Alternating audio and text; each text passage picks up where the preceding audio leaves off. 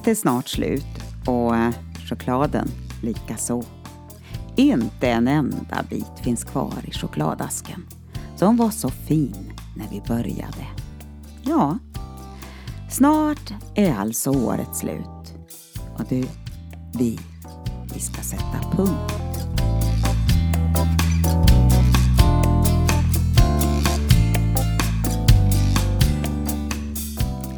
Här i min blogg och i min bok främst. Så ja, det finns lite fina bilder på ett och annat. Och här har jag en bild på en gammal autografbok som heter Förgät mig ej autografalbum och den är tryckt 1891. Det är en vacker liten bok som jag fått från min mamma. Och äh, det finns vackra vackra syrliga namnteckningar inne i den här boken. Och det är intressant att se hur man stavade för drygt hundra år sedan. På en sida så står det så här Hjälp dig själv och Gud ska hjälpa dig. Och eh, det är hjälp O-J-E-L-P själv, S-J-E-L-F och ja, lite granna märkliga stavningar. Det förändras med tiden, både det ena och det andra. Välkommen att lyssna till mig, Eleonora Lahti, in my living room.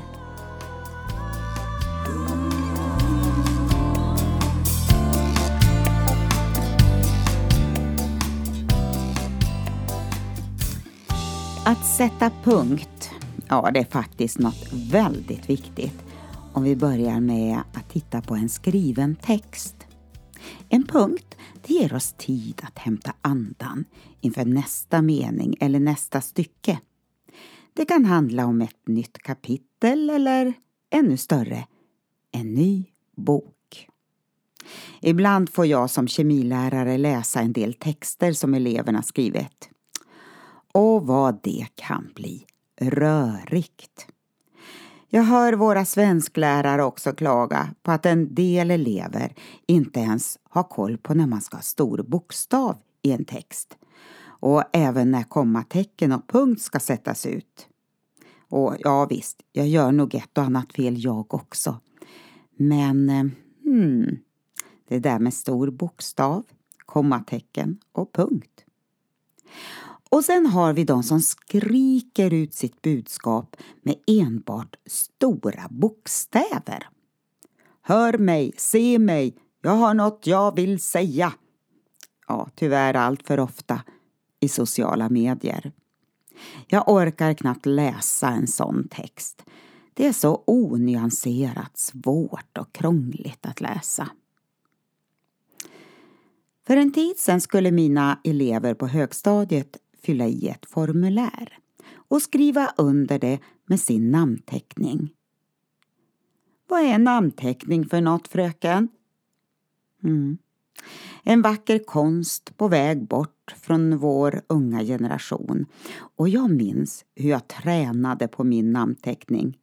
Min första bokstav, E, ja, den snirklade jag till nästan som en G-klav som man har inom musik. Åh, vad stolt jag var. Men tillbaka till det här med att sätta punkt. Sista tiden så har jag mött en del människor som kämpar med problemet hur man sätter ut punkter. Och nu menar jag i livet. Man känner igen några av dem. Det finns en stress, oro, bitterhet, misstänksamhet eller annan negativ kraft som håller tillbaka ett naturligt utflöde utav liv, glädje och tillfredsställelse. Punkten finns inte där och man får inte möjlighet att hämta andan. Stor och liten bokstav finns inte med och nyanserna i livet, ja det rör sig ihop till bara stora skrikande bokstäver. Och nu undrar jag, känner du igen dig. Kanske det är dags för dig att verkligen sätta punkt för ett och annat i tillvaron. Lära dig att förlåta eller att ge förlåtelse. Ja, men du förstår inte. Det är inte så enkelt som du tror. Mm -hmm. Vad är det som ger dig en egen gräddfil att hålla saker och ting emot andra? Alla möter vi ett och annat i livet, men hur hanterar vi det hela? Eller är det kanske så att du vill bli ett offer? Ja, nu tog jag i, men jag vet att det är nödvändigt. När vi vandrar i ljuset kan vi lätt ta emot förlåtelse och även ge förlåtelse. En av mina bekanta ringde häromdagen och var så glad. På ett enkelt och okomplicerat sätt hade han tagit emot ett förlåt. Vet du, vet du vad som hände? Han blev fullständigt fri efter cirka 25 år av ältande i en rörig problematik.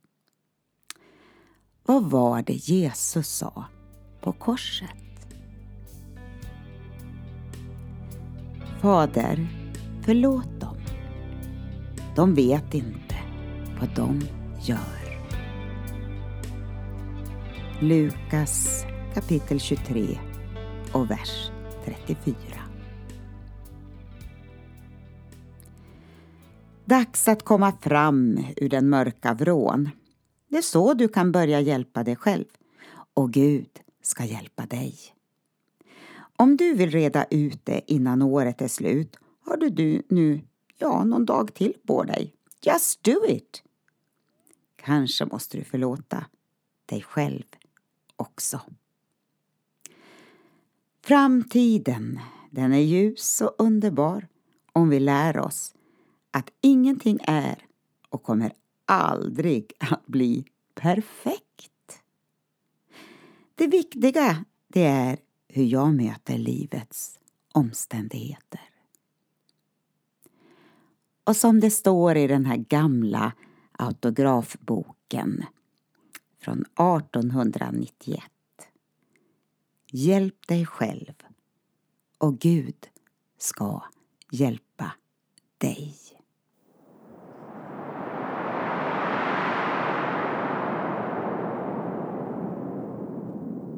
Närma er Gud så ska han närma sig er.